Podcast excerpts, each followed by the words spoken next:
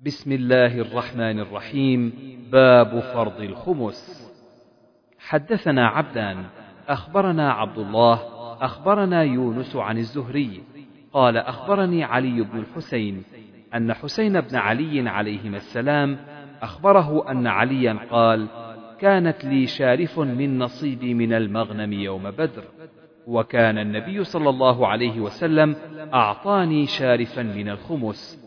فلما أردت أن أبتني بفاطمة بنت رسول الله صلى الله عليه وسلم وعدت رجلا صواغا من بني قينقاع أن يرتحل معي فنأتي بإذخر أردت أن أبيعه الصواغين وأستعين به في وليمة عرسي. فبين أنا أجمع لشارفي متاعا من الأقتاب والغرائر والحبال وشارفاي مناخان إلى جنب حجرة رجل من الأنصار. رجعت حين جمعت ما جمعت. فإذا شارفاي قد اجتب أسنمتهما وبقرت خواصرهما وأخذ من أكبادهما. فلم أملك عيني حين رأيت ذلك المنظر منهما. فقلت من فعل هذا؟ فقالوا فعل حمزة بن عبد المطلب وهو في هذا البيت في شرب من الأنصار. فانطلقت حتى أدخل على النبي صلى الله عليه وسلم وعنده زيد بن حارثة. فعرف النبي صلى الله عليه وسلم في وجه الذي لقيت. فقال النبي صلى الله عليه وسلم ما لك؟ فقلت يا رسول الله ما رأيتك اليوم قط؟ عدا حمزة على ناقتي فأجب اسنمتهما وبقر خواصرهما وها هو ذا في بيت معه شرب. فدعا النبي صلى الله عليه وسلم بردائه فارتدى ثم انطلق يمشي واتبعته أنا وزيد بن حارثة حتى جاء البيت الذي فيه حمزة فاستأذن فأذن له فإذا هم شرب فطفق رسول الله صلى الله عليه وسلم يلوم حمزة فيما فعل فإذا حمزة قد ثمل محمرة عيناه. فنظر حمزة إلى رسول الله صلى الله عليه وسلم ثم صعد النظر فنظر إلى ركبته ثم صعد النظر فنظر إلى سرته ثم صعد النظر فنظر إلى وجهه ثم قال حمزة هل أنتم إلا عبيد لأبي؟ فعرف رسول الله صلى الله عليه وسلم أنه قد ثمل. فنكص رسول الله صلى الله عليه وسلم على عقبيه القهقرى وخرجنا معه.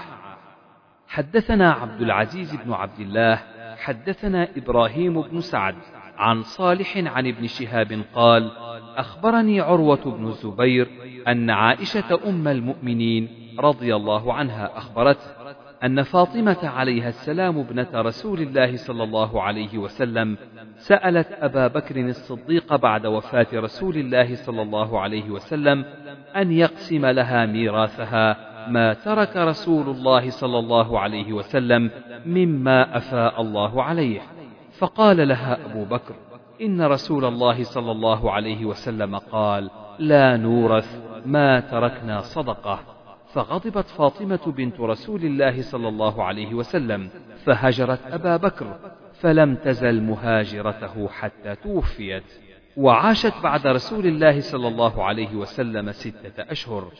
قالت وكانت فاطمة تسأل أبا بكر نصيبها مما ترك رسول الله صلى الله عليه وسلم من خيبر وفدك وصدقته بالمدينة فأبى أبو بكر عليها ذلك وقال لست تاركا شيئا كان رسول الله صلى الله عليه وسلم يعمل به إلا عملت به فإني أخشى إن تركت شيئا من أمره أن أزيغ فأما صدقته بالمدينة فدفعها عمر إلى علي وعباس فأما خيبر وفدك فأمسكها عمر وقال هما صدقة رسول الله صلى الله عليه وسلم كانتا لحقوقه التي تعروه ونوائبه وأمرهما إلى من ولي الأمر.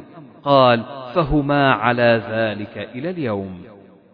حدثنا إسحاق بن محمد الفروي حدثنا مالك بن أنس عن ابن شهاب عن مالك بن أوس بن الحدثان وكان محمد بن جبير ذكر لي ذكرا من حديثه ذلك فانطلقت حتى أدخل على مالك بن أوس فسألته عن ذلك الحديث فقال مالك بين أنا جالس في أهلي حين متع النهار إذا رسول عمر بن الخطاب يأتيني فقال أجب أمير المؤمنين فانطلقت معه حتى أدخل على عمر فإذا هو جالس على رمال سرير ليس بينه وبينه فراش متكئ على وسادة من أدم.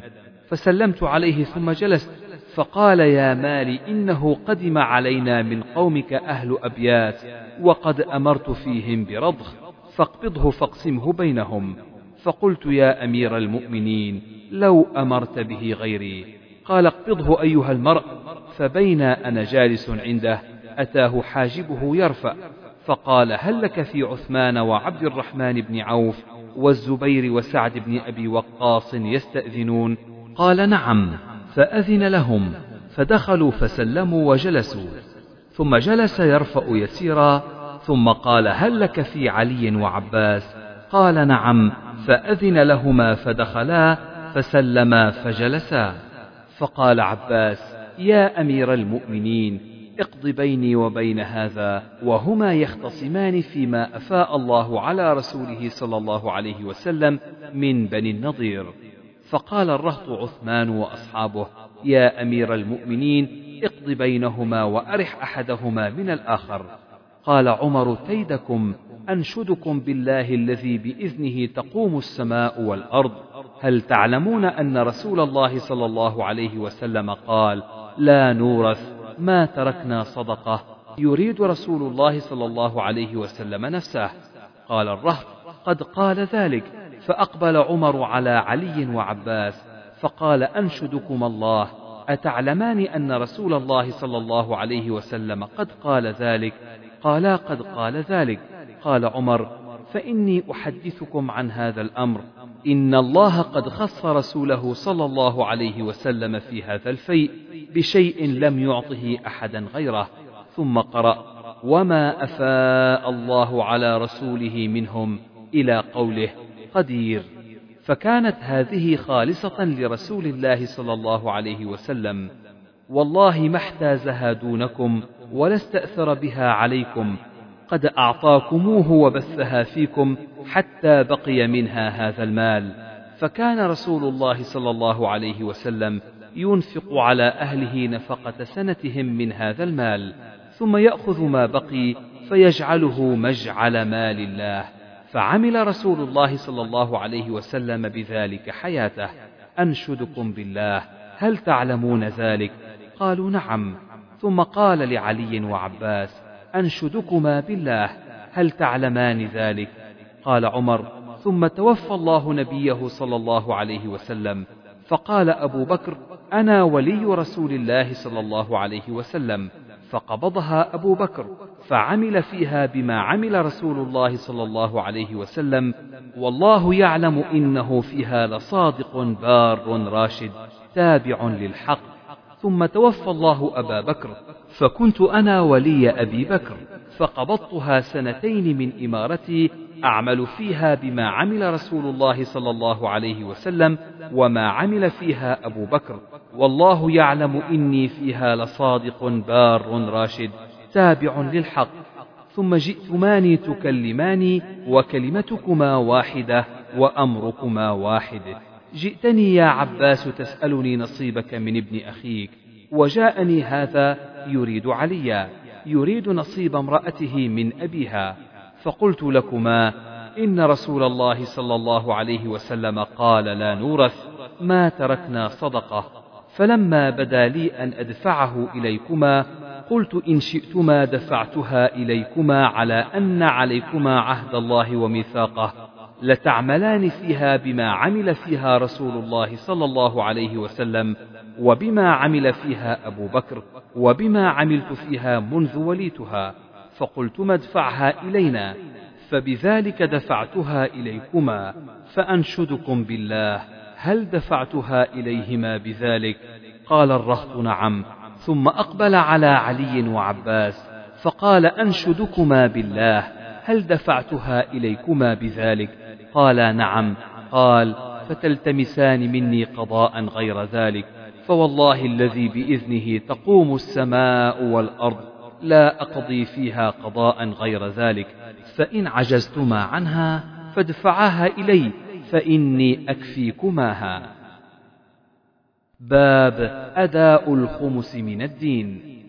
حدثنا أبو النعمان حدثنا حماد عن أبي جمرة الضبعي قال سمعت ابن عباس رضي الله عنهما يقول قدم وفد عبد القيس فقالوا يا رسول الله إن هذا الحي من ربيعة بيننا وبينك كفار مضر فلسنا نصل إليك إلا في الشهر الحرام فمرنا بأمر نأخذ منه وندعو إليه من وراءنا قال آمركم بأربع وأنهاكم عن أربع الإيمان بالله شهادة أن لا إله إلا الله وعقد بيده وإقام الصلاة وإيتاء الزكاة وصيام رمضان وأن تؤدوا لله خمس ما غنمتم وأنهاكم عن الدباء والنقير والحنثم والمزفت. باب نفقة نساء النبي صلى الله عليه وسلم بعد وفاته. حدثنا عبد الله بن يوسف أخبرنا مالك عن أبي الزناد عن الأعرج عن أبي هريرة رضي الله عنه أن رسول الله صلى الله عليه وسلم قال لا يقتسم ورثتي دينارا ما تركت بعد نفقة نسائي ومؤنة عاملي فهو صدقة. حدثنا عبد الله بن أبي شيبة حدثنا أبو أسامة حدثنا هشام عن أبيه عن عائشة قالت توفي رسول الله صلى الله عليه وسلم وما في بيتي من شيء يأكله ذو كبد إلا شطر شعير في رف لي فأكلت منه حتى طال علي فكلته ففني. حدثنا مسدد حدثنا يحيى عن سفيان قال حدثني أبو إسحاق قال سمعت عمرو بن الحارث قال ما ترك النبي صلى الله عليه وسلم إلا سلاحه وبغلته البيضاء وأرضا تركها صدقة. باب ما جاء في بيوت أزواج النبي صلى الله عليه وسلم وما نسب من البيوت إليهن وقول الله تعالى وقرن في بيوتكن ولا تدخلوا بيوت النبي إلا أن يؤذن لكم. حدثنا حبان بن موسى ومحمد قال أخبرنا عبد الله أخبرنا معمر ويونس عن الزهري قال أخبرني عبيد الله بن عبد الله بن عتبة بن مسعود أن عائشة رضي الله عنها زوج النبي صلى الله عليه وسلم قالت لما ثقل رسول الله صلى الله عليه وسلم استأذن أزواجه أن يمرض في بيتي فأذن له. حدثنا ابن أبي مريم حدثنا نافع سمعت ابن أبي مليكة قال قالت عائشة رضي الله عنها توفي النبي صلى الله عليه وسلم في بيتي وفي نوبتي وبين سحري ونحري وجمع الله بين ريقي وريقه. قالت دخل عبد الرحمن بسواك فضعف النبي صلى الله عليه وسلم عنه فأخذته فمضغته ثم سننته به. حدثنا سعيد بن عفير قال حدثني الليث قال حدثني عبد الرحمن بن خالد عن ابن شهاب عن علي بن حسين أن صفية زوج النبي صلى الله عليه وسلم أخبرته أنها جاءت رسول الله صلى الله عليه وسلم تزوره وهو معتكف في المسجد في العشر الأواخر من رمضان ثم قامت تنقلب فقام معها رسول الله صلى الله عليه وسلم حتى إذا بلغ قريبا من باب المسجد عند باب أم سلمة زوج النبي صلى الله عليه وسلم مر بهما رجلان من الأنصار فسلما على رسول الله صلى الله عليه وسلم ثم نفذا فقال لهما رسول الله صلى الله عليه وسلم على رسلكما؟ قال سبحان الله يا رسول الله. وكبر عليهما ذلك فقال إن الشيطان يبلغ من الإنسان مبلغ الدم وإني خشيت أن يقذف في قلوبكما شيئا. حدثنا إبراهيم بن المنذر حدثنا أنس بن عياض عن عبيد الله عن محمد بن يحيى بن حبان عن واسع بن حبان عن عبد الله بن عمر رضي الله عنهما قال ارتقيت فوق بيت حفصة فرأيت النبي صلى الله عليه وسلم يقضي حاجته مستدبر القبلة مستقبل الشأم حدثنا إبراهيم بن المنذر حدثنا أنس بن عياض عن هشام عن أبيه أن عائشة رضي الله عنها قالت كان رسول الله صلى الله عليه وسلم يصلي العصر والشمس لم تخرج من حجرتها. حدثنا موسى بن إسماعيل حدثنا جويرية عن نافع عن عبد الله رضي الله عنه قال قام النبي صلى الله عليه وسلم خطيبا فأشار نحو مسكن عائشة فقال هنا الفتنة هنا الفتنة هنا الفتنة ثلاثة من حيث يطلع قرن الشيطان. حدثنا عبد الله بن يوسف أخبرنا مالك عن عبد الله بن أبي بكر عن عمرة بنت عبد الرحمن أن عائشة زوج النبي صلى الله عليه وسلم أخبرتها أن رسول الله صلى الله عليه وسلم كان عندها وأنها سمعت صوت إنسان يستأذن في بيت حفصة. فقلت يا رسول الله هذا رجل يستأذن في بيتك. فقال رسول الله صلى الله عليه وسلم أراه فلانا لعم حفصة من الرضاعة. الرضاعة تحرم ما تحرم الولادة. باب ما ذكر من درع النبي صلى الله عليه وسلم وعصاه وسيفه وقدحه وخاتمه وما استعمل الخلفاء بعده من ذلك مما لم يذكر قسمته ومن شعره ونعله وآنيته مما يتبرك أصحابه وغيرهم بعد وفاته.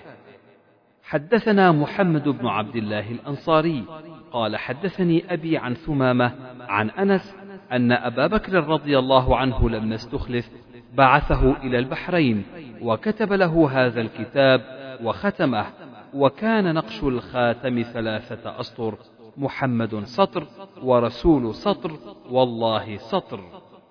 حدثني عبد الله بن محمد حدثنا محمد بن عبد الله الأسدي حدثنا عيسى بن طهمان قال أخرج إلينا أنس النعلين جرداوين لهما قبالان.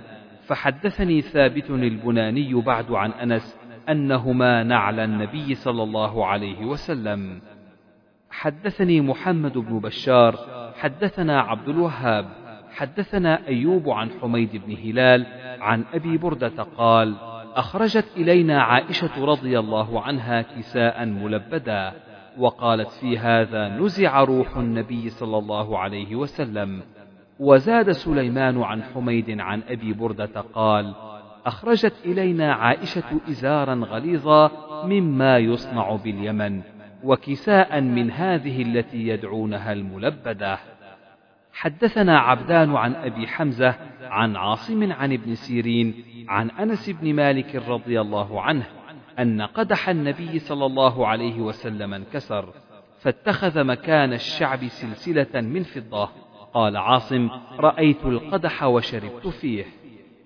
حدثنا سعيد بن محمد الجرمي حدثنا يعقوب بن إبراهيم حدثنا أبي أن الوليد بن كثير حدثه عن محمد بن عمرو بن حلحلة الدؤلي.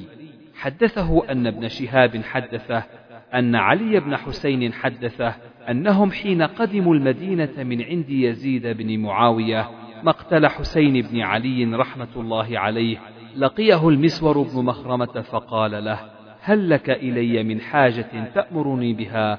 فقلت له لا. فقال له فهل أنت معطي سيف رسول الله صلى الله عليه وسلم؟ فإني أخاف أن يغلبك القوم عليه. ويم الله لئن أعطيتنيه لا يخلص إليهم أبدا حتى تبلغ نفسي. إن علي بن أبي طالب خطب ابنة أبي جهل على فاطمة عليها السلام. فسمعت رسول الله صلى الله عليه وسلم يخطب الناس في ذلك على منبره هذا وأنا يومئذ محتلم. فقال إن فاطمة مني وأنا أتخوف أن تفتن في دينها. ثم ذكر صهرا له من بني عبد شمس فأثنى عليه في مصاهرته إياه. قال حدثني فصدقني ووعدني فوفى لي وإني لست أحرم حلالا ولا أحل حراما. ولكن والله لا تجتمع بنت رسول الله صلى الله عليه وسلم وبنت عدو الله أبدا. حدثنا قتيبة بن سعيد حدثنا سفيان عن محمد بن سوقة عن منذر عن ابن الحنفية قال لو كان علي رضي الله عنه ذاكرا عثمان رضي الله عنه ذكره يوم جاءه ناس فشكوا سعاة عثمان فقال لي علي اذهب إلى عثمان فأخبره أنها صدقة رسول الله صلى الله عليه وسلم. فمر سعاتك يعملون فيها. فأتيته بها فقال أغنها عنا. فأتيت بها عليا فأخبرته فقال ضعها حيث أخذتها. قال الحميدي حدثنا سفيان حدثنا محمد بن سوقة. قال سمعت منذرا الثوري عن ابن الحنفية قال أرسلني أبي. خذ هذا الكتاب فاذهب به إلى عثمان فإن فيه أمر النبي صلى الله عليه وسلم في الصدقة. باب الدليل على أن الخمس لنوائب رسول الله صلى الله عليه وسلم والمساكين وإيثار النبي صلى الله عليه وسلم أهل الصفة والأرامل حين سألته فاطمة وشكت إليه الطحن والرحى أن يخدمها من السبي فوكلها إلى الله. حدثنا بدل بن المحبر أخبرنا شعبة قال أخبرني الحكم قال سمعت ابن أبي ليلى حدثنا علي أن فاطمة عليها السلام اشتكت ما تلقى من الرحى مما تطحن فبلغها أن رسول الله صلى الله عليه وسلم أتي بسبي فأتته تسأله خاتما فلم توافق فذكرت لعائشة فجاء النبي صلى الله عليه وسلم فذكرت ذلك عائشة له فأتانا وقد دخلنا مضاجعنا فذهبنا لنقوم فقال على مكانكما حتى وجدت برد قدميه على صدري فقال ألا أدلكما على خير مما سألتماه إذا أخذتما مضاجعكما فكبر الله أربعا وثلاثين واحمدا ثلاثا وثلاثين وسبحا ثلاثا وثلاثين فإن ذلك خير لكما مما سألتماه باب قول الله تعالى فإن لله خمسة يعني للرسول قسم ذلك.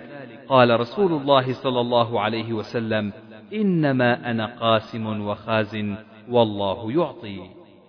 حدثنا أبو الوليد حدثنا شعبة عن سليمان ومنصور وقتاده سمعوا سالم بن أبي الجعد عن جابر بن عبد الله رضي الله عنهما قال ولد لرجل منا من الأنصار غلام فأراد أن يسميه محمدا. قال شعبة في حديث منصور إن الأنصاري قال حملته على عنقي فأتيت به النبي صلى الله عليه وسلم وفي حديث سليمان ولد له غلام فأراد أن يسميه محمدا. قال سموا باسمي ولا تكنوا بكنيتي فإني إنما جعلت قاسما أقسم بينكم. وقال حسين بعثت قاسما أقسم بينكم. قال عمرو أخبرنا شعبة عن قتادة. قال سمعت سالما عن جابر أراد أن يسميه القاسم. فقال النبي صلى الله عليه وسلم سموا باسمي ولا تكتنوا بكنيتي.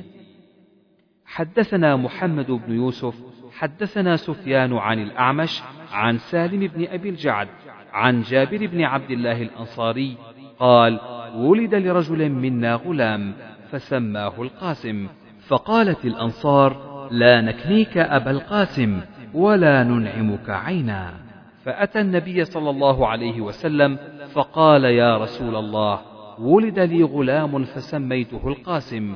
فقالت الأنصار لا نكنيك أبا القاسم ولا ننعمك عينا. فقال النبي صلى الله عليه وسلم أحسنت الأنصار سموا باسمي ولا تكنوا بكنيتي فإنما أنا قاسم. حدثنا حبان أخبرنا عبد الله عن يونس عن الزهري عن حميد بن عبد الرحمن أنه سمع معاوية قال قال رسول الله صلى الله عليه وسلم من يرد الله به خيرا يفقهه في الدين. والله المعطي وأنا القاسم. ولا تزال هذه الأمة ظاهرين على من خالفهم حتى يأتي أمر الله وهم ظاهرون. حدثنا محمد بن سنان حدثنا فليح حدثنا هلال عن عبد الرحمن بن أبي عمرة عن أبي هريرة رضي الله عنه أن رسول الله صلى الله عليه وسلم قال ما أعطيكم ولا أمنعكم. أنا قاسم أضع حيث أمرت. حدثنا عبد الله بن يزيد حدثنا سعيد بن أبي أيوب. قال حدثني أبو الأسود عن ابن أبي عياش واسمه نعمان عن خولة الأنصارية رضي الله عنها قالت سمعت النبي صلى الله عليه وسلم يقول إن رجالا يتخوضون في مال الله بغير حق فلهم النار يوم القيامة. باب قول النبي صلى الله عليه وسلم أحلت لكم الغنائم. وقال الله تعالى وعدكم الله مغانم كثيرة تأخذونها فعجل لكم هذه وهي للعامة حتى يبينه الرسول صلى الله عليه وسلم. حدثنا مسدد حدثنا خالد حدثنا حسين عن عامر عن عروة البارقي رضي الله عنه عن النبي صلى الله عليه وسلم قال الخيل معقود في نواصيها الخير الأجر والمغنم إلى يوم القيامة. حدثنا أبو اليمان أخبرنا شعيب حدثنا أبو الزناد عن الأعرج عن أبي هريرة رضي الله عنه أن رسول الله صلى الله عليه وسلم قال إذا هلك كسرى فلا كسرى بعده وإذا هلك قيصر فلا قيصر بعده والذي نفسي بيده لتنفقن كنوزهما في سبيل الله. حدثنا إسحاق سمع جريرا عن عبد الملك عن جابر بن سمرة رضي الله عنه قال قال رسول الله صلى الله عليه وسلم إذا هلك كسرى فلا كسرى بعده. وإذا هلك قيصر فلا قيصر بعده والذي نفسي بيده لتنفقن كنوزهما في سبيل الله. حدثنا محمد بن سنان حدثنا هشيم أخبرنا سيار حدثنا يزيد الفقير حدثنا جابر بن عبد الله رضي الله عنهما قال قال رسول الله صلى الله عليه وسلم أحلت لي الغنائم. حدثنا إسماعيل قال حدثني مالك عن أبي الزناد عن الأعرج عن أبي هريرة رضي الله عنه أن رسول الله صلى الله عليه وسلم قال تكفل الله لمن جاهد في سبيله لا يخرجه إلا الجهاد في سبيله وتصديق كلماته بأن يدخله الجنة أو يرجعه إلى مسكنه الذي خرج منه من أجر أو غنيمة. حدثنا محمد بن العلاء، حدثنا ابن المبارك عن معمر عن همام بن منبه عن أبي هريرة رضي الله عنه قال: قال رسول الله صلى الله عليه وسلم: غزا نبي من الأنبياء. فقال لقومه: لا يتبعني رجل ملك بضع امرأة وهو يريد أن يبني بها ولما يبني بها ولا أحد بنى بيوتا ولم يرفع سقوفها ولا أحد اشترى غنما أو خلفات وهو ينتظر ولادها. فغزا فدنا من القرية صلاة العصر أو قريبا من ذلك. فقال للشمس إنك مأمورة وأنا مأمور. اللهم احبسها علينا. فحبست حتى فتح الله عليه. فجمع الغنائم. فجاءت يعني النار لتأكلها. فلم تطعمها. فقال إن فيكم غلولا. فليبايعني من كل قبيلة رجل. فلزقت يد رجل بيده فقال فيكم الغلول فليبايعني قبيلتك. فلزقت يد رجلين أو ثلاثة بيده فقال فيكم الغلول. فجاءوا برأس مثل رأس بقرة من الذهب فوضعوها فجاءت النار فأكلتها. ثم أحل الله لنا الغنائم رأى ضعفنا وعجزنا فأحلها لنا. باب الغنيمة لمن شهد الوقعة حدثنا صدقة أخبرنا عبد الرحمن عن مالك عن زيد بن أسلم عن أبيه قال قال عمر رضي الله عنه لولا آخر المسلمين ما فتحت قرية إلا قسمتها بين أهلها كما قسم النبي صلى الله عليه وسلم خيبر. باب من قاتل للمغنم هل ينقص من أجره؟ حدثني محمد بن بشار حدثنا غندر حدثنا شعبة عن عمرو قال: سمعت أبا وائل قال: حدثنا أبو موسى الأشعري رضي الله عنه قال قال أعرابي للنبي صلى الله عليه وسلم الرجل يقاتل للمغنم والرجل يقاتل ليذكر ويقاتل ليرى مكانه من في سبيل الله؟ فقال من قاتل لتكون كلمة الله هي العليا فهو في سبيل الله. باب قسمة الإمام ما يقدم عليه ويخبأ لمن لم يحضره أو غاب عنه. حدثنا عبد الله بن عبد الوهاب حدثنا حماد بن زيد عن أيوب عن عبد الله بن أبي مليكة أن النبي صلى الله عليه وسلم أهديت له أقبية من ديباج مزررة بالذهب. فقسمها في ناس من أصحابه وعزل منها واحدا لمخرمة بن نوفل. فجاء ومعه ابنه المسور بن مخرمة فقام على الباب فقال ادعه لي. فسمع النبي صلى الله عليه وسلم صوته فأخذ قباء فتلقاه به واستقبله بأزراره. فقال يا أبا المسور خبأت هذا لك يا أبا المسور خبأت هذا لك وكان في خلقه شدة. ورواه ابن علية عن أيوب. قال حاتم بن وردان حدثنا أيوب عن ابن أبي مليكة عن المسور قدمت على النبي صلى الله عليه وسلم أقبية تابعه الليث عن ابن أبي مليكة. باب كيف قسم النبي صلى الله عليه وسلم قريظة والنضير وما أعطى من ذلك في نوائبه.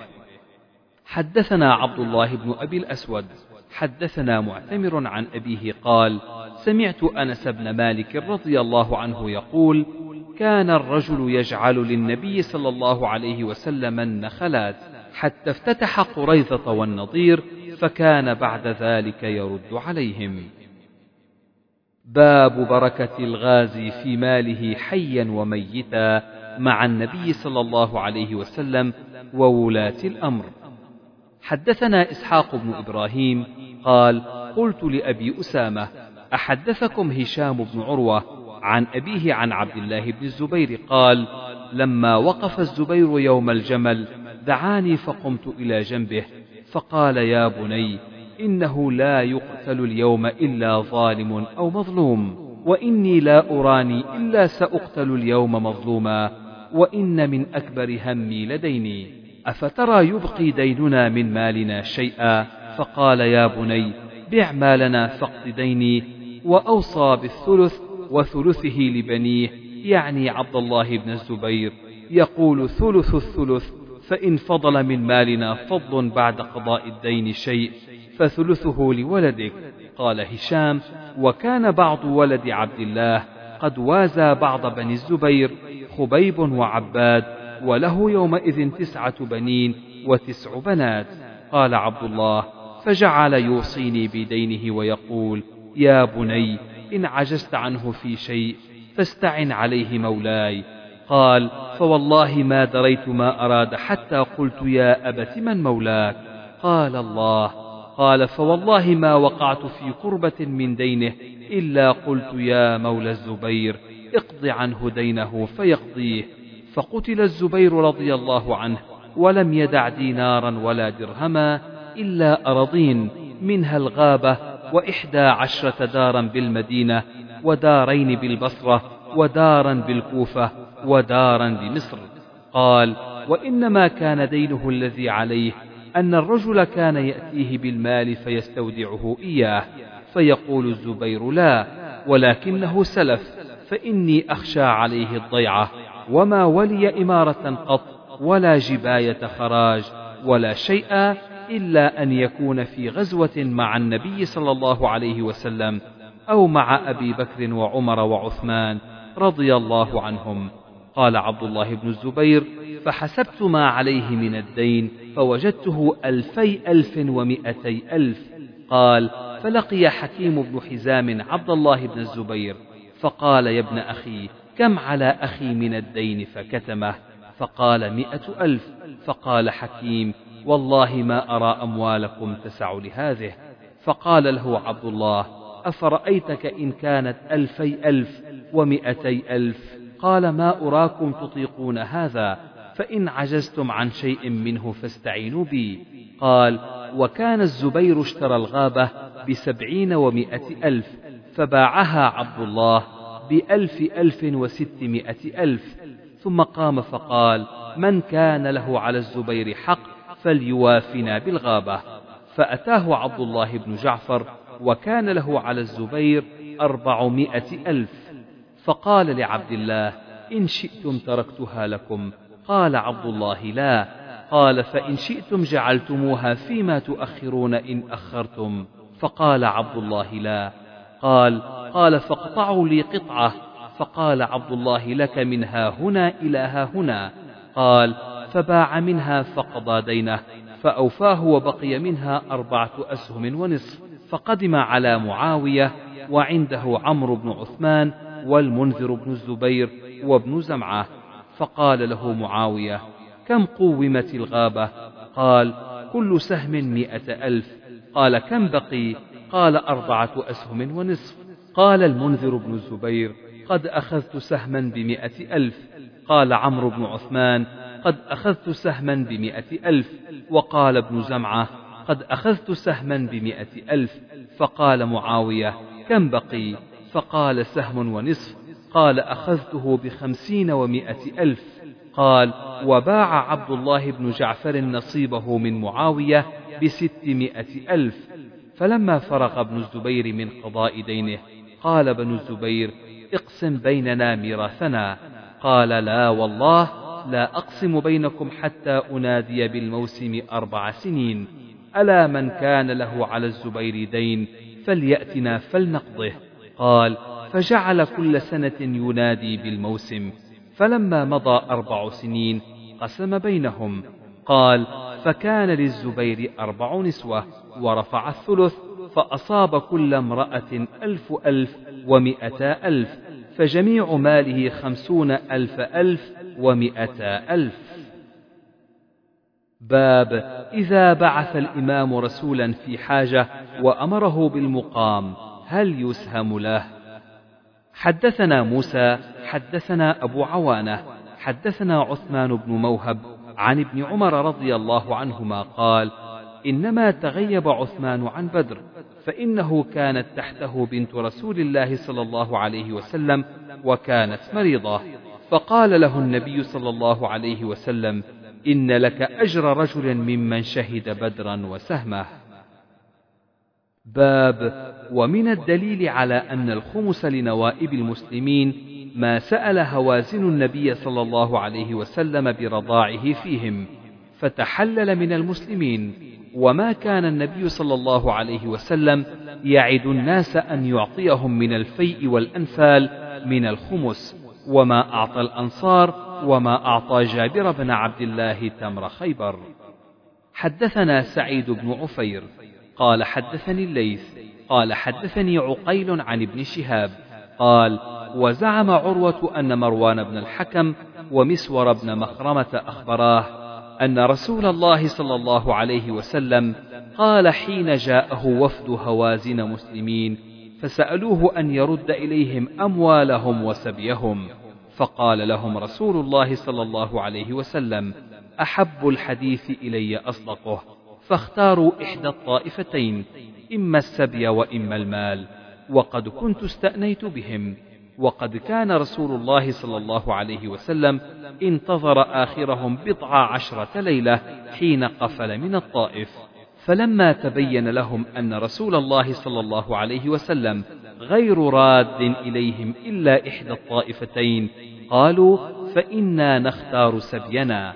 فقام رسول الله صلى الله عليه وسلم في المسلمين فأثنى على الله بما هو أهله ثم قال أما بعد فإن إخوانكم هؤلاء قد جاءونا تائبين وإني قد رأيت أن أرد إليهم سبيهم. من أحب أن يطيب فليفعل ومن أحب منكم أن يكون على حظه حتى نعطيه إياه من أول ما يفيء الله علينا فليفعل. فقال الناس قد طيبنا ذلك يا رسول الله لهم. فقال لهم رسول الله صلى الله عليه وسلم إنا لا ندري من أذن منكم في ذلك ممن لم يأذن. فارجعوا حتى يرفع إلينا عرفاؤكم أمركم. فرجع الناس فكلمهم عرفاؤهم ثم رجعوا إلى رسول الله صلى الله عليه وسلم فأخبروه أنهم قد طيبوا فأذنوا فهذا الذي بلغنا عن سبي هوازن. حدثنا عبد الله بن عبد الوهاب حدثنا حماد حدثنا أيوب عن أبي قلابة قال وحدثني القاسم بن عاصم الكليبي وأنا لحديث القاسم أحفظ. عن زهدم قال كنا عند أبي موسى فأتي ذكر دجاجة وعنده رجل من بني تيم الله أحمر كأنه من الموالي. فدعاه للطعام فقال إني رأيته يأكل شيئا فقذرته فحلفت لا آكل. فقال هلم فلأحدثكم عن ذاك؟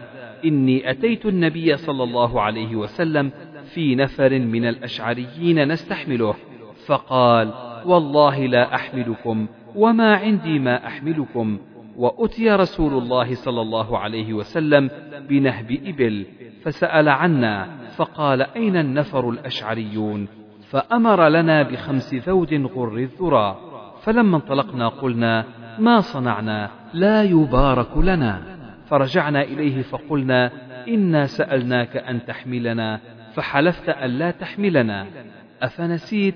قال لست أنا حملتكم ولكن الله حملكم. وإني والله إن شاء الله لا أحلف على يمين فأرى غيرها خيرا منها إلا أتيت الذي هو خير وتحللتها. حدثنا عبد الله بن يوسف أخبرنا مالك عن نافع عن ابن عمر رضي الله عنهما أن رسول الله صلى الله عليه وسلم بعث سرية فيها عبد الله قبل نجد فغنموا إبلا كثيرا فكانت سهامهم اثني عشر بعيرا أو أحد عشر بعيرا ونفلوا بعيرا بعيرا.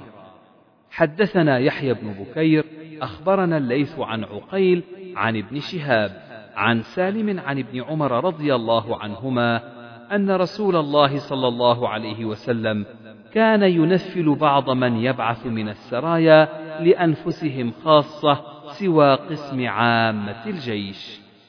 حدثنا محمد بن العلاء، حدثنا أبو أسامة، حدثنا بريد بن عبد الله عن أبي بردة عن أبي موسى رضي الله عنه قال: بلغنا مخرج النبي صلى الله عليه وسلم ونحن باليمن فخرجنا مهاجرين إليه أنا وأخوان لي أنا أصغرهم أحدهما أبو بردة والآخر أبو رهم. إما قال في بضع وإما قال في ثلاثة وخمسين أو اثنين وخمسين رجلا من قومي. فركبنا سفينة فألقتنا سفينتنا إلى النجاشي بالحبشة. ووافقنا جعفر بن أبي طالب وأصحابه عنده. فقال جعفر إن رسول الله صلى الله عليه وسلم بعثنا ها هنا وأمرنا بالإقامة فأقيموا معنا. فأقمنا معه حتى قدمنا جميعا فوافقنا النبي صلى الله عليه وسلم حين افتتح خيبر. فأسهم لنا أو قال فأعطانا منها وما قسم لأحد غاب عن فتح خيبر منها شيئا إلا لمن شهد معه إلا أصحاب سفينتنا مع جعفر وأصحابه قسم لهم معهم. حدثنا علي حدثنا سفيان حدثنا محمد بن المنكدر سمع جابرا رضي الله عنه قال قال رسول الله صلى الله عليه وسلم لو قد جاءني مال البحرين لقد أعطيتك هكذا وهكذا وهكذا. فلم يجئ حتى قبض النبي صلى الله عليه وسلم. فلما جاء مال البحرين أمر أبو بكر مناديا فنادى من كان له عند رسول الله صلى الله عليه وسلم دين أو عدة فليأتنا. فأتيته فقلت إن رسول الله صلى الله عليه وسلم قال لي كذا وكذا فحثى لي ثلاثا وجعل سفيان يحثو بكفيه جميعا ثم قال لنا هكذا قال لنا ابن المنكدر وقال مرة فأتيت أبا بكر فسألت فلم يعطني ثم أتيته فلم يعطني ثم أتيته الثالثة فقلت سألتك فلم تعطني ثم سألتك فلم تعطني ثم سألتك فلم تعطني فإما أن تعطيني وإما أن تبخل عني. قال قلت تبخل علي ما منعتك من مرة إلا وأنا أريد أن أعطيك. قال سفيان وحدثنا عمرو عن محمد بن علي عن جابر فحثى لي حثية وقال عدها فوجدتها خمسمائة قال فخذ مثلها مرتين وقال يعني ابن المنكدر وأي داء أدوأ من البخل. حدثنا مسلم بن إبراهيم حدثنا قرة حدثنا عمرو بن دينار عن جابر بن عبد الله رضي الله عنهما قال بينما رسول الله صلى الله عليه وسلم يقسم غنيمة بالجعرانة إذ قال له رجل اعدل فقال له شقيت إن لم أعدل. باب ما من النبي صلى الله عليه وسلم على الأسارى من غير أن يخمس. حدثنا إسحاق بن منصور أخبرنا عبد الرزاق أخبرنا معمر عن الزهري عن محمد بن جبير عن أبيه رضي الله عنه أن النبي صلى الله عليه وسلم قال في أسارى بدر لو كان المطعم بن عدي حيا ثم كلمني في هؤلاء النتنى لتركتهم له. باب ومن الدليل على أن الخمس للإمام وأنه يعطي بعض قرابته دون بعض ما قسم النبي صلى الله عليه وسلم لبني المطلب وبني هاشم من خمس خيبر. قال عمر بن عبد العزيز لم يعمهم بذلك ولم يخص قريبا دون من أحوج إليه. وإن كان الذي أعطى لما يشكو إليه من الحاجة ولما مستهم في جنبه من قومهم وحلفائهم. حدثنا عبد الله بن يوسف حدثنا الليث عن عقيل عن ابن شهاب عن ابن المسيب عن جبير بن مطعم قال مشيت أنا وعثمان بن عفان إلى رسول الله صلى الله عليه وسلم. فقلنا يا رسول الله أعطيت بني المطلب وتركتنا ونحن وهم منك بمنزلة واحدة. فقال رسول الله صلى الله عليه وسلم إنما بنو المطلب وبنو هاشم شيء واحد. قال الليث حدثني يونس وزاد. قال جبير ولم يقسم النبي صلى الله عليه وسلم لبني عبد شمس ولا لبني نوفل. وقال ابن إسحاق عبد شمس وهاشم والمطلب إخوة لأم وأمهم عاتكة بنت مرة وكان نوفل أخاهم لأبيهم. باب من لم يخمس الأسلاب ومن قتل قتيلا فله سلبه من غير أن يخمس وحكم الإمام فيه.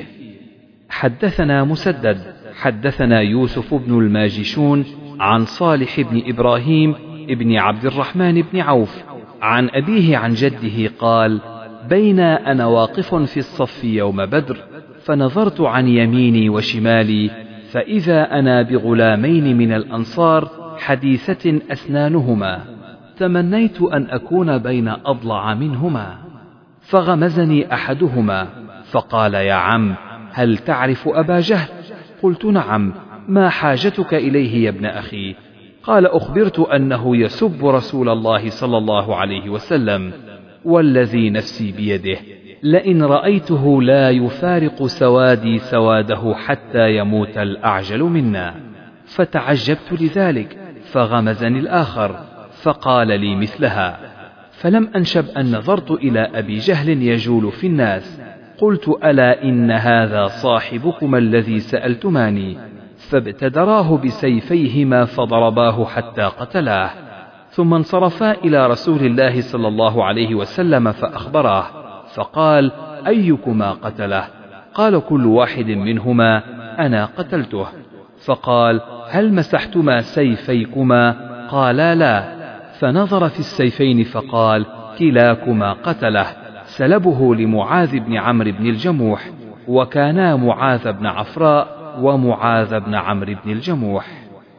حدثنا عبد الله بن مسلمة عن مالك عن يحيى بن سعيد عن ابن أفلح عن أبي محمد مولى أبي قتادة عن أبي قتادة رضي الله عنه قال خرجنا مع رسول الله صلى الله عليه وسلم عام حنين فلما التقينا كانت للمسلمين جولة فرأيت رجلا من المشركين على رجلا من المسلمين فاستدرت حتى أتيته من ورائه حتى ضربته بالسيف على حبل عاتقه فأقبل علي فضمني ضمة وجدت منها ريح الموت ثم أدركه الموت فأرسلني فلحقت عمر بن الخطاب فقلت ما بال الناس؟ قال أمر الله ثم إن الناس رجعوا وجلس النبي صلى الله عليه وسلم فقال من قتل قتيلا له عليه بينة فله سلبه. فقمت فقلت من يشهد لي؟ ثم جلست ثم قال من قتل قتيلا له عليه بينة فله سلبه. فقمت فقلت من يشهد لي؟ ثم جلست ثم قال الثالثة مثله. فقال رجل صدق يا رسول الله وسلبه عندي فأرضه عني. فقال أبو بكر الصديق رضي الله عنه لا الله. إذا يعمد إلى أسد من أسد الله يقاتل عن الله ورسوله. صلى الله عليه وسلم. يعطيك سلبه. فقال النبي صلى الله عليه وسلم صدق فأعطاه. فبعت الدرع فابتعت به مخرفا في بني سلمة. فإنه لأول مال تأثلته في الإسلام. باب ما كان النبي صلى الله عليه وسلم يعطي المؤلفة قلوبهم وغيرهم من الخمس ونحوه. رواه عبد الله بن زيد عن النبي صلى الله عليه وسلم. حدثنا محمد بن يوسف حدثنا الأوزاعي عن الزهري عن سعيد بن المسيب وعروة بن الزبير أن حكيم بن حزام رضي الله عنه قال سألت رسول الله صلى الله عليه وسلم فأعطاني ثم سألته فأعطاني ثم قال لي يا حكيم إن هذا المال خضر حلو فمن أخذه بسخاوة نفس بورك له فيه ومن أخذه بإشراف نفس لم يبارك له فيه وكان كالذي يأكل ولا يشبع واليد العليا خير من اليد السفلى. قال حكيم فقلت يا رسول الله والذي بعثك بالحق لا أرزأ أحدا بعدك شيئا حتى أفارق الدنيا. فكان أبو بكر يدعو حكيما ليعطيه العطاء فيأبى أن يقبل منه شيئا. ثم إن عمر دعاه ليعطيه فأبى أن يقبل. فقال يا معشر المسلمين إني أعرض عليه حقه الذي قسم الله له من هذا الفيء فيأبى أن يأخذه. فلم يرزق حكيم أحدا من الناس بعد النبي صلى الله عليه وسلم حتى توفي. حدثنا أبو النعمان حدثنا حماد بن زيد عن أيوب عن نافع أن عمر بن الخطاب رضي الله عنه قال يا رسول الله إنه كان علي اعتكاف يوم في الجاهلية فأمره أن يفي به قال وأصاب عمر جاريتين من سبي حنين فوضعهما في بعض بيوت مكة. قال فمن رسول الله صلى الله عليه وسلم على سبي حنين فجعلوا يسعون في السكك. فقال عمر يا عبد الله انظر ما هذا. فقال من رسول الله صلى الله عليه وسلم على السبي؟ قال اذهب فأرسل الجاريتين. قال نافع. ولم يعتمر رسول الله صلى الله عليه وسلم من الجعرانة ولو اعتمر لم يخف على عبد الله. وزاد جرير بن حازم عن أيوب عن نافع عن ابن عمر قال من الخمس. ورواه معمر عن أيوب عن نافع عن ابن عمر في النذر ولم يقل يوم. حدثنا موسى بن إسماعيل حدثنا جرير بن حازم حدثنا الحسن قال حدثني عمرو بن تغلب رضي الله عنه قال أعطى رسول الله صلى الله عليه وسلم قوما ومنع آخرين فكأنهم عتبوا عليه. فقال إني أعطي قوما أخاف ضلعهم وجزعهم وأكل أقواما إلى ما جعل الله في قلوبهم من الخير والغنى منهم عمرو بن تغلب. فقال عمرو بن تغلب ما أحب أن لي بكلمة رسول الله صلى الله عليه وسلم حمر النعم وزاد أبو عاصم عن جرير قال سمعت الحسن يقول حدثنا عمرو بن تغلب أن رسول الله صلى الله عليه وسلم أتي بمال أو بسبي فقسمه بهذا. حدثنا أبو الوليد حدثنا شعبة عن قتادة عن أنس رضي الله عنه قال قال النبي صلى الله عليه وسلم إني أعطي قريشا أتألفهم لأنهم حديث عهد بجاهلية. حدثنا أبو اليمان أخبرنا شعيب. حدثنا الزهري قال أخبرني أنس بن مالك أن ناسا من الأنصار قالوا لرسول الله صلى الله عليه وسلم حين أفاء الله على رسوله صلى الله عليه وسلم من أموال هوازن ما أفاء. فطفق يعطي رجالا من قريش المئة من الإبل. فقالوا يغفر الله لرسول الله صلى الله عليه وسلم يعطي قريشا ويدعنا وسيوفنا تقطر من دمائهم. قال أنس فحدث رسول الله صلى الله عليه وسلم بمقالتهم فأرسل إلى الأنصار فجمعهم في قبة من أدم ولم يدع معهم أحدا غيرهم فلما اجتمعوا جاءهم رسول الله صلى الله عليه وسلم فقال ما كان حديث بلغني عنكم؟ قال له فقهاؤهم أما ذو آرائنا يا رسول الله فلم يقولوا شيئا وأما أناس منا حديثة أسنانهم فقالوا يغفر الله لرسول الله صلى الله عليه وسلم يعطي قريشا ويترك الأنصار وسيوفنا تقطر من دمائهم. فقال رسول الله صلى الله عليه وسلم إني أعطي رجالا حديث عهدهم بكفر. أما ترضون أن يذهب الناس بالأموال وترجعون إلى رحالكم برسول الله صلى الله عليه وسلم فوالله ما تنقلبون به خير مما ينقلبون به. قالوا بلى يا رسول الله قد رضينا. فقال لهم إنكم سترون بعدي أثرة شديدة. فاصبروا حتى تلقوا الله ورسوله صلى الله عليه وسلم على الحوض. قال أنس فلم نصبر. حدثنا عبد العزيز بن عبد الله الأويسي.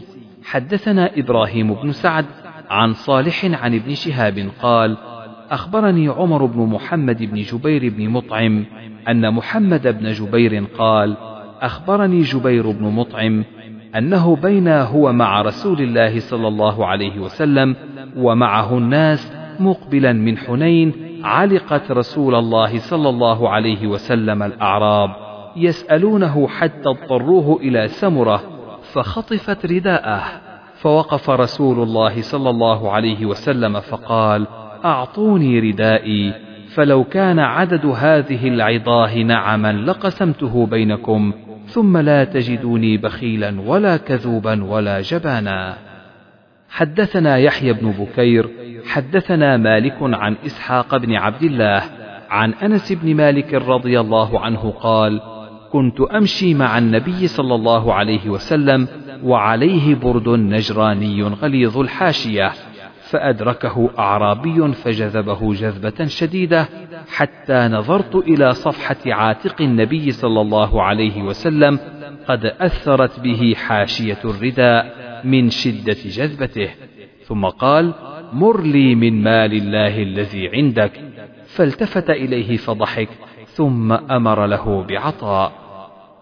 حدثنا عثمان بن أبي شيبة حدثنا جرير عن منصور عن أبي وائل عن عبد الله رضي الله عنه قال لما كان يوم حنين آثر النبي صلى الله عليه وسلم أناسا في القسمة فأعطى الأقرع بن حابس مئة من الإبل وأعطى عيينة مثل ذلك وأعطى أناسا من أشراف العرب فآثرهم يومئذ في القسمة. قال رجل والله إن هذه القسمة ما عدل فيها وما أريد بها وجه الله فقلت والله لأخبرن النبي صلى الله عليه وسلم فأتيته فأخبرته فقال فمن يعدل إذا لم يعدل الله ورسوله رحم الله موسى قد أوذي بأكثر من هذا فصبر حدثنا محمود بن غيلان حدثنا أبو أسامة حدثنا هشام قال أخبرني أبي عن أسماء بنت أبي بكر رضي الله عنهما قالت كنت أنقل النوى من أرض الزبير التي أقطعه رسول الله صلى الله عليه وسلم على رأسي وهي مني على ثلثي فرسخ. وقال أبو ضمرة عن هشام عن أبيه أن النبي صلى الله عليه وسلم أقطع الزبير أرضا من أموال بني النضير. حدثني أحمد بن المقدام حدثنا الفضيل بن سليمان حدثنا موسى بن عقبة قال أخبرني نافع عن ابن عمر رضي الله عنهما أن عمر بن الخطاب أجلى اليهود والنصارى من أرض الحجاز. وكان رسول الله صلى الله عليه وسلم لما ظهر على أهل خيبر أراد أن يخرج اليهود منها. وكانت الأرض لما ظهر عليها لليهود وللرسول وللمسلمين. فسأل اليهود رسول الله صلى الله عليه وسلم أن يتركهم على أن يكفوا العمل ولهم نصف الثمر. فقال رسول الله صلى الله عليه وسلم نقركم على ذلك ما شئنا. فأقروا حتى أجلاهم عمر في إمارته إلى تيماء وأريحا. باب ما يصيب من الطعام في أرض الحرب. حدثنا أبو الوليد حدثنا شعبة عن حميد بن هلال عن عبد الله بن مغفل رضي الله عنه قال كنا محاصرين قصر خيبر فرمى إنسان بجراب فيه شحم فنزوت لآخذه فالتفت فإذا النبي صلى الله عليه وسلم فاستحييت منه. حدثنا مسدد حدثنا حماد بن زيد عن أيوب عن نافع عن ابن عمر رضي الله عنهما قال كنا نصيب في مغازينا العسل والعنب فنأكله ولا نرفعه. حدثنا موسى بن إسماعيل حدثنا عبد الواحد حدثنا الشيباني قال سمعت ابن أبي أوفى رضي الله عنهما يقول أصابتنا مجاعة ليالي خيبر. فلما كان يوم خيبر وقعنا في الحمر الأهلية فانتحرناها. فلما غلت القدور نادى منادي رسول الله صلى الله عليه وسلم أكفئوا القدور فلا تطعموا من لحوم الحمر شيئا. قال عبد الله فقلنا إنما نهى النبي صلى الله عليه وسلم لأنها لم تخمس. قال وقال آخرون حرمها البتة. وسألت سعيد بن جبير فقال حرمها البتة.